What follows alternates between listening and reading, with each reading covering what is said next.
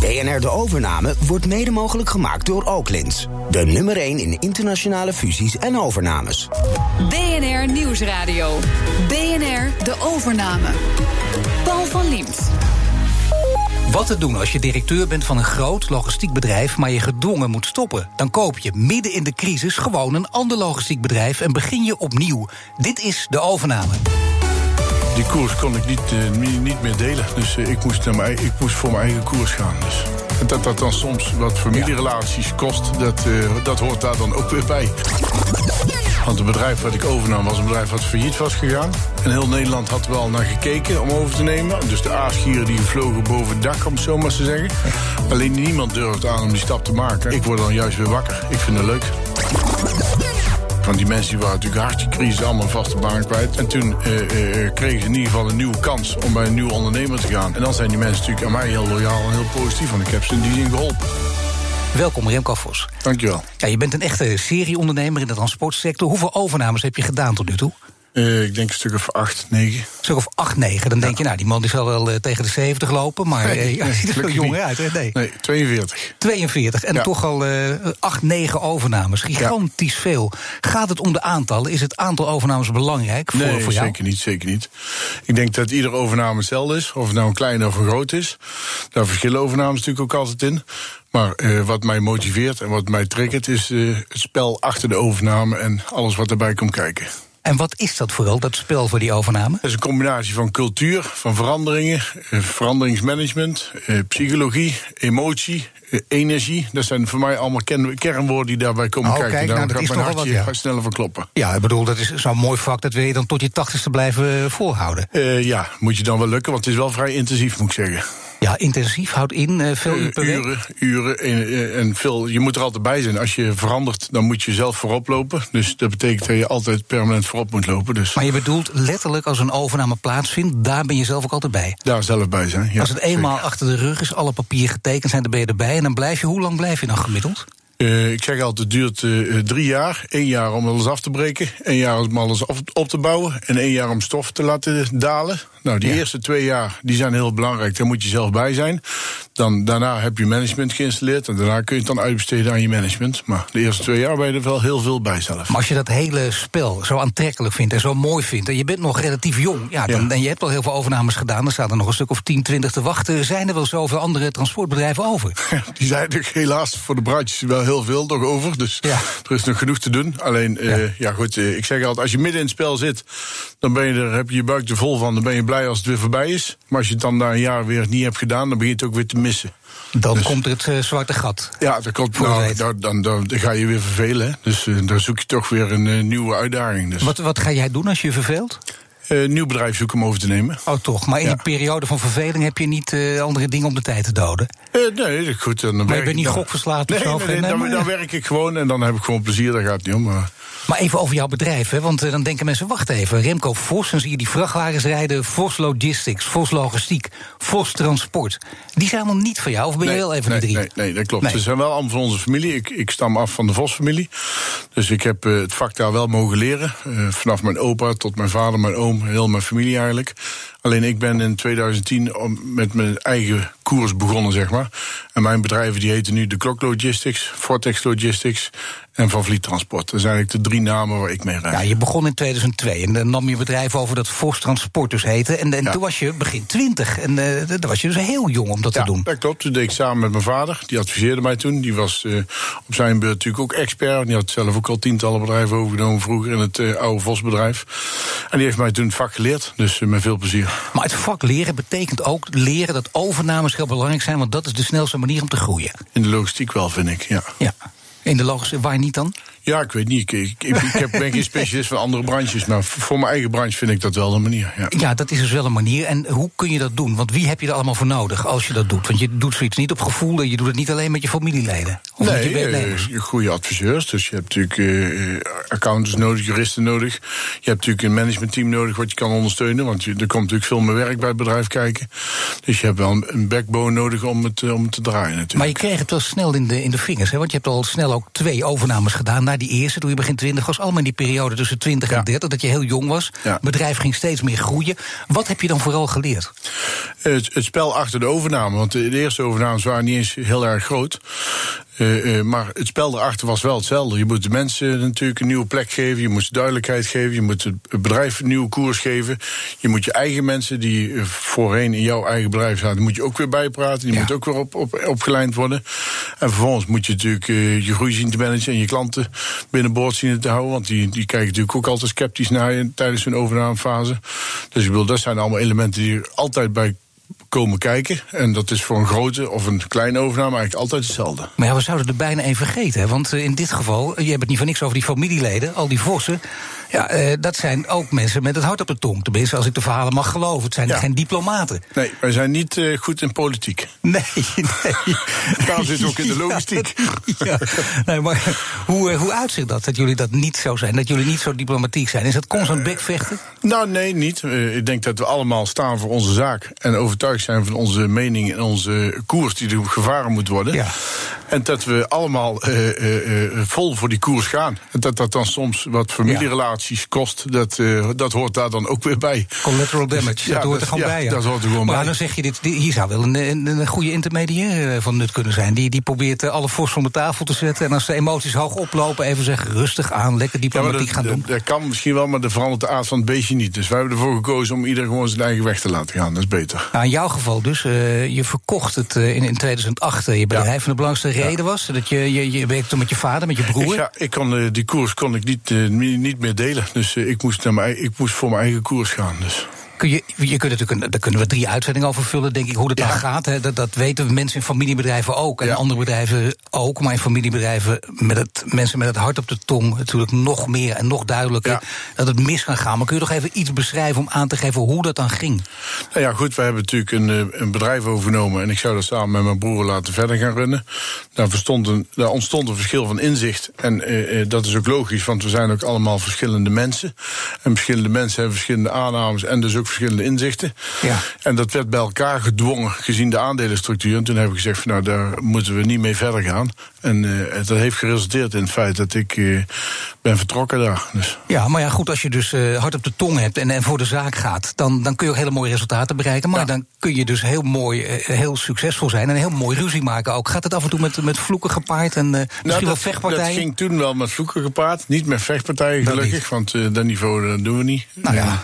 Ja, misschien wel ergens anders, maar niet bij ons. Dus, dus dat heeft wel degelijk tot wat gevloek geleid. En ook wat tot beschadigde familiebanden. Dus dat mag, er ook, mag ook gewoon genoemd worden. Maar wat zijn Dus- beschadigde familiebanden? Nou, dat, dat, dat de prijzen die je betaalt. Dus ik bedoel, eh, van, het, eh, van, het, van het familiebedrijf. Dus, Dus dat eh, je gewoon niet eh, met de kerst eh, bij elkaar over de vloer komt. en sowieso niet bij elkaar over de vloer. Ik ben met de kerst eh, en sowieso niet bij, bij elkaar over de vloer gekomen. Dus. En, en dat doe je sowieso ook niet meer. Dat, bedoel, persoonlijk is het dan voorbij. Dat is bij ons eh, helaas het geval geweest. Dus eh, dat is heel spijtig, maar dat is helaas wel een, een bijkomend effect ervan geweest. Ja. Nou ja, wat, wat ook lastig is in zo'n echt verharde situatie... dat je dus eh, het bedrijf gaat verkopen aan je vader en je broer. Hoe, Ja. gaan die onderhandelingen dan? Als er toch veel emotie bij komt Ja, kijken? dat was toen natuurlijk een heel zwaar traject. Dus toen ik daar ook klaar mee was, toen was ik er ook helemaal klaar mee met alles. En met mijn, bedrijf, en met mijn bedrijf en met mijn baan en met de rest. En toen zwoer ik mezelf om een ander vak te gaan kiezen. Maar dat is natuurlijk, ook- daar ligt de oplossing ook Maar niet. waarom, dat dacht je even, van dit, ja, dit dat is een dacht ik toen even. Ik denk dat, dat is zo'n intensief vak. Daar moeten vast wel andere vakken zijn die eh, minder intensief zijn en die veel Ja. leuker zijn. Maar dat is Ja. natuurlijk helemaal niet. Nee. Want ieder vak heeft zijn eigen. Ik heb nooit gedacht, ik ga lekker de journalistiek in, een stuk makkelijker. Nee, ja, dat had ik misschien wel moeten doen, maar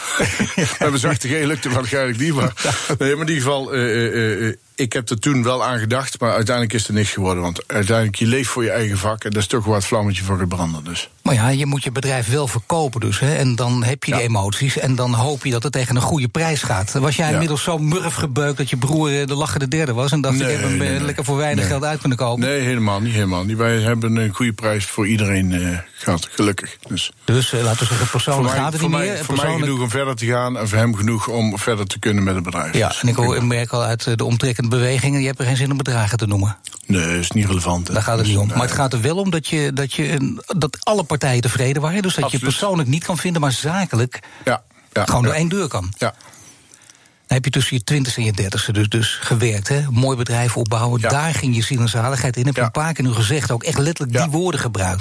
Ja, als je dat doet en het is opeens weg, Ja. dan denk je... Ja, je dacht wel, heb ik ga wat anders doen. Maar dan Dus, je eh, letterlijk je kindje Nee, dan heb afstaan. je kindje afgestaan. Dus dat is ook een zware tijd geweest. Eh, ik heb die tijd gebruikt om eh, mijn hoofd zeg maar, op, opnieuw op, een- op een rijtje te zetten. Om alles even goed te laten bezinken.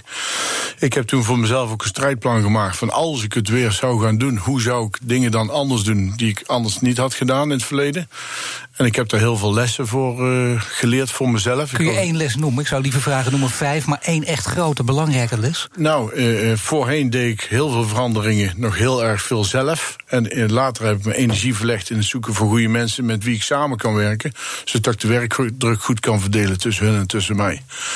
En eh, eh, omdat ik natuurlijk in het vorige bedrijf nog jonger was, moest ik zelf ook het vak eigenlijk nog leren. Dus dan ben je toch genegen om dingen snel zelf te gaan doen. Later ken je het vak al, dan moet je eigenlijk daarna mensen om je heen zien te verzamelen die het met jou gaan uitoefenen. Zodat je toch de werkdruk goed Maar dit gaat allemaal over het werk. Maar het werk is niet los te zien van de thuissituatie natuurlijk. Je had toen ook vrouw en kinderen. Ja, klopt. We waren En net die- geboren. nou, moet je kijken. En die maken dit allemaal mee. Dan, Ja. dan, heb jij, je, je had kinderen, maar dat andere kindje had je afgestaan. Ja, Grote spanningen. klopt, En ja. hoe ging dat dan thuis? Eh, gelukkig goed. Dus mijn vrouw heeft er altijd 100% achter gestaan. Het is nog steeds En- bij je. Ja, gelukkig wel. Nee, Dus, knap gedaan, ja. Ja, goed hè. Dus ik zeg, als je die veel thuis bent, maak je ook niet veel ruzie. Hè? Maar in ieder geval, eh, nee, dus de, en, en ik heb samen ook met haar ook het strijdplan klaargemaakt voor de, voor de herstart, om het zo maar te zeggen. En toen die in 2010 kwam, toen kon eigenlijk ook heel veel dingen konden heel snel gebeuren. Maar je vrouw heeft je wel steeds gesteund. Want die had kan in die periode ook net als jij kunnen zeggen... ja, ga toch wat anders doen, ga lekker in nee, loondienst. Nee, absoluut. Nee, nee, nee. In 2010 eh, kocht je weer een bedrijf. eh, weer in de logistiek. Gaan we straks Ja. eh, uitgebreider over Ja. praten. Maar eerst wil ik je een vraag voorleggen van de gast van vorige week. Die sluit ik op aan. Ga je eens fouten van Bier Co. Ik ben wel nieuwsgierig of Remco heeft overwogen ook een andere tak van sport in te stappen, een andere business te beginnen. Nou ja, ja, dat is een hele logische vraag. Ja. Want iedereen die zijn bedrijf verkoopt, die, die is er dan eventjes klaar mee. En die is eigenlijk blij dat hij eh, eh, van zijn vak af is, dat hij de kans heeft om iets nieuws te beginnen. Want eh, meestal hebben ze dan ook wat zakgeld op zak. en dan heb je dus ook de mogelijkheid om iets anders te gaan doen. Ik heb er wel even aan gedacht. Alleen, Maar ik, wat heb je overwogen? Noem eens iets wat je, toen- wat je toen gedacht hebt. ik heb gekeken naar een uitlaatfabriek in Nederland om die over te nemen. Om dan een productie. Ik vind het altijd mooi om een product te maken. Ja. En mijn product is nu een dienst. Maar een echt mooi product maken met een merknaam erop, dat lijkt me ook geweldig. Daar kan ik Ja. ook helemaal gepassioneerd van raken. Dus daar heb ik naar gekeken. Eh, ja, en zo heb ik verschillende bedrijven eigenlijk bezocht en ook eh, eh, ja, beoordeeld om te kijken of dat ik die niet over kon nemen. Om daar maar wel weer in de ondernemershoek. Hoe Absoluut, dan ook. Je ja. hebt nooit gedacht, Nee, loondienst, dat is echt niet, Nee. hoe dan ook niet in vraag. Geen één moment. Nee, nee, En nooit. waarom niet? Ja, de, Te saai. Ik weet niet, nee. Past niet bij je karakter. Past niet bij mij, nee. Je hebt toen voor de tweede keer een bloeiend logistiek bedrijf opgebouwd. En hoe je dat hebt gedaan, dat bespreken we zo. BNR Nieuwsradio. BNR De Overname. Ik praat met Remco Vos. Nadat hij het bedrijf Vos Transport niet helemaal vrijwillig verkocht aan zijn broer, begon hij weer gewoon opnieuw in de logistiek. Ja, midden in de crisis besloot hij opnieuw een transportbedrijf te beginnen in 2010. En dan kan ik me toch voorstellen dat er mensen komen die zeggen: waar begin je godsnaam aan? Wat doe Ja. je, man? Ja, dat klopt. Er waren toen heel veel. Ja. Want het bedrijf wat ik overnam was een bedrijf wat failliet was gegaan. En er was ook echt een bekend bedrijf in Nederland. De Clock Logistics was, eh, eigenlijk bestond al 60 jaar, geloof ik. Ja. Echt een, eh, een eh, pilaar in de logistiek. En die gingen failliet. En heel Nederland had er wel naar gekeken om over te nemen. Alle collega-vervoerders. En dus de aasgieren die gevlogen boven het dak, om het zo maar te zeggen. Alleen niemand durfde aan om die stap te maken. En dat heb ik toen wel gedaan. Maar juist als niemand dat wil, dan denk je toch van nou, ze zullen, ze ga- zullen, ze ik zullen vind- niet allemaal gek nee, zijn. Ja, maar ik vind, dan ga ik juist weer, ik word dan juist weer wakker. Ik vind dat leuk. Dus ik bedoel, en toen, ik zag dus wel de kansen. Want ze hadden een prachtige klantenbestand en eh, ook een heel goed personeelsbestand, waar ik zo van afstand kon kijken. Dus ik was er met de curator eigenlijk binnen anderhalf uur uit. Dus, eh, Maar heb je dan ook gedacht, hoe kan het dat al die collega's het verkeerd hebben gezien? Wat hebben die dan over het hoofd gezien wat jij wel zag? Nou, ik denk dat die, eh, de omvang van het bedrijf was vrij fors. En het afbreukrisico was er natuurlijk ook. Dus ik denk dat die daar misschien door afgeschrikt waren, dat weet ik niet. Maar... Jij hebt het dus wel gedaan, uh, het bedrijf overgenomen. En hoe ben je op het spoor gekomen? Want daar begint het natuurlijk eerst mee. Via mijn adviseurs. Ja, ik heb natuurlijk een netwerk van adviseurs omheen. En dat verandert van, dat zijn uh, interim uh, managers of consultants of accountants of ja. dat soort zaken. Dat soort mensen. En toen ik dus weer interesse had in een nieuw bedrijf en weer op zoek was, toen heb ik die mensen allemaal geïnformeerd dat ik weer in de markt was. En uit die contact is die lead eigenlijk ontstaan. En er was dus al genoeg geld over uit het vorige bedrijf ja. om gewoon ook dit risico te nemen. Want het risico was ook een financieel risico. Tuurlijk, ja. De eerste loon moet je van je eigen centen betalen natuurlijk. Nou ja, daar kwam nog wat bij natuurlijk. Er werkten toch meer dan 100 mensen. 120, er werkten 260 mensen. Alleen na, de overname, na het faillissement ben ik met 120 mensen in vast dienstverband doorgegaan. Dus van de een op de andere dag heb ik 120 man een hand gegeven. En eh, welkom geheten bij het nieuwe bedrijf. Ging van en wat doe je dan tegen die mensen? Want dan moet er een nieuwe sfeer ook ontstaan. Ja, dat, en zo. dat speelt dan een ja, grote rol. Dat was toen, toen heel erg heftig. Want die mensen die waren natuurlijk hartstikke crisis, allemaal een vaste baan kwijt. Die werkten al 20, 30 jaar bij de klok. En toen uh, uh, kregen ze in ieder geval een nieuwe kans om bij een nieuwe ondernemer te gaan. Ja, en die de positiviteit die daar, de energie die daar uitkwam. Ik krijg, ik krijg er nu nog de rilling van op mijn rug. Dat was geweldig. Die maar mensen die zijn nu bijna nog allemaal nog steeds werkzaam bij mij. Die maar dat hebben, klinkt bijna als een toverstokje. Ja, van, uh, Remco komt binnen en het zijn een stelletje nou. En opeens ja, lopen ze opgewekt ja, naar binnen. Maar dat, was, maar dat was misschien ook zo. Dat was misschien ook nodig in de crisis. Dus ik bedoel, die mensen, die, dat energieniveau wat daardoor ontstond. Die mensen zijn allemaal loyaal gebleven. Die, zijn allemaal mee, die hebben allemaal meegeholpen om de tent op te bouwen. Omdat er vaak natuurlijk het, het idee omheen dat ja, een overname. Maar het gaat ook heel vaak gepaard met, uh, met reorganisaties, met, met mensen die moeten vertrekken, ja, negativiteit absoluut. en ja. iedereen moet weg en zo. Waarom hier niet? Omdat dit natuurlijk is ontstaan vanuit een faillissementsovername. Dat is natuurlijk een ander soort overname als een normale overname. Dat was in de crisis zo. Dus daar heb je al een heel ander uitgangspunt. Die mensen zijn door de curator allemaal ontslagen, staan per definitie al op straat. En dan heb jij nog nooit van het bedrijf gehoord. Daarna kom ik pas binnen. En vervolgens doe ik dan mijn onderzoek en besluit ik dan om, de, om het de kans te geven en die mensen in dienst te nemen. En dan zijn die mensen natuurlijk aan mij heel loyaal en heel positief. Want ik heb ze in die zin geholpen. Nou vertelde je al dat uh, veel mensen hiermee bezig waren. Veel anderen wilden dit bedrijf ook overnemen. Ja. Die hebben uiteindelijk allemaal nee gezegd. Je hebt veel meer overnames gedaan, waar natuurlijk ja. ook heel veel partijen op azen. Ja. Waar baseer jij je keuze op voor een overname? Ja, dat is, dat is, een, dat is, een, dat is een mix van een aantal rationele variabelen. En de laatste 20% is dan uh, je gevoel. En, oh, dus het is 20% dan, gevoel en 80% de Excel, Excel sheet. 80% ratio, 20% gevoel, zou ik het zo maar zeggen. Ja. Maar dat gevoel, dat is best een Maar dat gevoel weegt, weegt wel heel zwaar. Dus, dat wou ik net dus zeggen. Wel, uh, dus 20% toch, misschien wel 30, 40%. Ja, dat, weet ik, ja, dat hangt per, per geval. Maar is met dat je gevoel kun je ook eens naschieten, toch? Absoluut, ja zeker. En is ook wel eens gebeurd? Absoluut, ja, natuurlijk. Ik maak ook fouten. Maar geef, wat, is een, wat is een fout? Of je denkt van ja, daar heb ik ook van geleerd. Uh, nou, ik heb wel eens uh, uh, na een overname direct voor een, voor een klant die ik nog niet goed geanalyseerd had, achteraf bleek. Maar ik dacht toen dat ik hem goed geanalyseerd had, heb ik gelijk nieuw equipment besteld. En drie maanden later bleek dat die klant helemaal niet rendabel was. En toen ik afscheid heb genomen van die klant, toen bleek met alle equipment zitten. Oei. Dus dat, dat is mij ook gebeurd, ja prima. Ja, dus maar goed, die fout maak je. Ja, die fout dus, maak je. Maar als je maar kort dat, op de bal dat, zit, was mag je hem ook herstellen. Hè? Dus. Maar was het een fout op gevoel of was het een fout op gewoon niet goed naar de cijfers gekeken? Uh, ja, niet goed naar de cijfers gekeken. En op basis van dat gevoel dus een besluit nemen. Dus ik bedoel, uh, ja, die fout heb ik ook wel eens gemaakt. Ja. Je gaat uh, vaak op je gevoel af. En, en wat speelt dan mee in je gevoel? Want op een gegeven moment weet je dat. Hè? Als je dat uh, dit heb je niet voor de eerste keer gedaan, acht of negen keer gedaan. Je bent van plan het vaker te doen. Wat is overwegend? Wat is de rode draad? Uh, kijken naar de mensen met wie je moet gaan werken. Wat voor, wat voor mensen zitten er? Wat voor, hoe kijken ze uit de ogen? Was het energieniveau in het bedrijf? Maar het gaat echt cultuur? nee, maar letterlijk, hè? het gaat ja. echt om, om de sfeer ja. dus ook. Ja. Je houdt niet van zagrijnige mensen. Nee, daar heb ik een bloedhekel aan. Dus die moeten allemaal thuis blijven. Maar hoe weten, hoe weten mensen dat? Want dat kun je heel diplomatiek... Jij komt de eerste dag binnen en je zegt het ook. Nou, de eerste dag misschien niet, maar ik, ik vorm mijn mening. Maar op het moment dat mensen... Je hebt wel eens bedrijven waar afdelingen altijd zitten te fitten tegen elkaar. Daar steek ik stokje voor, daar heb ik een bloedhekel aan. Iedereen moet gewoon net goedemorgen zeggen en met een glimlach achter het bureau zitten.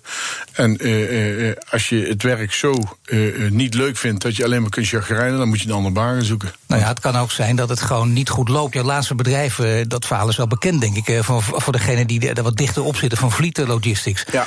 Daar waren mensen zagrijnig, maar die hadden daar ook allerlei redenen voor. Want ja, dingen klopt, liepen ja. niet goed en het was geen geoliede machine. Ja, dat bedrijf zijn we begonnen. Dan zijn we daarna in een diep dal terechtgekomen. Omdat er natuurlijk een aantal dingen gebeurden. De, daardoor liepen de processen op een gegeven moment niet meer goed. We zijn de klanten ontevreden, zijn de processen die niet goed gaan, mensen ontevreden.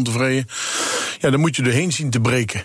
Alleen het doorbreken lukt je nooit door te mee te gaan zitten chagrijnen. Doorbreken eh, lukt pas op het moment dat je erboven gaat staan. Met plezier het alles objectief beoordeelt. Nou en met vervolgens plezier gas we gaat weten geven. dat je geen diplomatiek type bent. Dat, eh, dat weet de familie ook, dat weten wij nu ook allemaal. Ja, dat weten de mensen die met jou te maken krijgen. fijn, dus ja, als je er doorheen breekt, dat betekent, nou, dan, vallen, dan kunnen er ook scherven vallen. Ja, prima, is goed. En daar hebben we arbeidswetten voor in Nederland. Die worden netjes gehanteerd.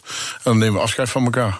Afscheid nemen wil zeggen iemand eh, eh, Ontslaan. ontslaan. Maar Ja. het kan ook zijn dat je iemand op een andere plek neerzet. Uiteraard, natuurlijk. Ik zie mezelf als voetbalcoach, dus ik moet mijn team zo goed mogelijk vormgeven.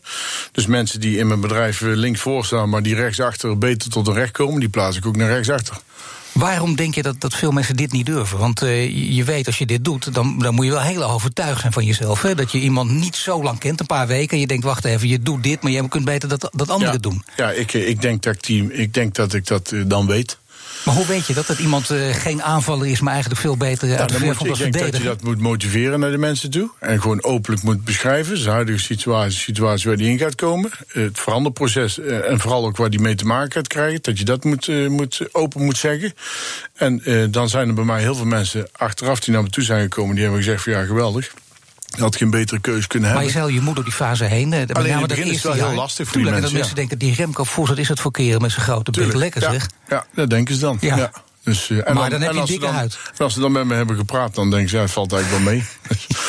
Tot nu toe gaat het altijd zo. Dus, zo Behalve dan degene die, zelfs degene die je ontslagen hebt. Ja, die komen in de stad tegen en zeggen: Remco, blij dat, ik, dat je hem ontslagen Eh, hebt. soms wel, soms niet. Maar ik, Nee. ik, ik zorg ervoor dat ik altijd iedereen nog netjes aan kan blijven kijken. Dus ik kom mijn verplichtingen na en ik doe wat ik moet doen. En daar, daar zijn regels voor in Nederland, die hanteren we.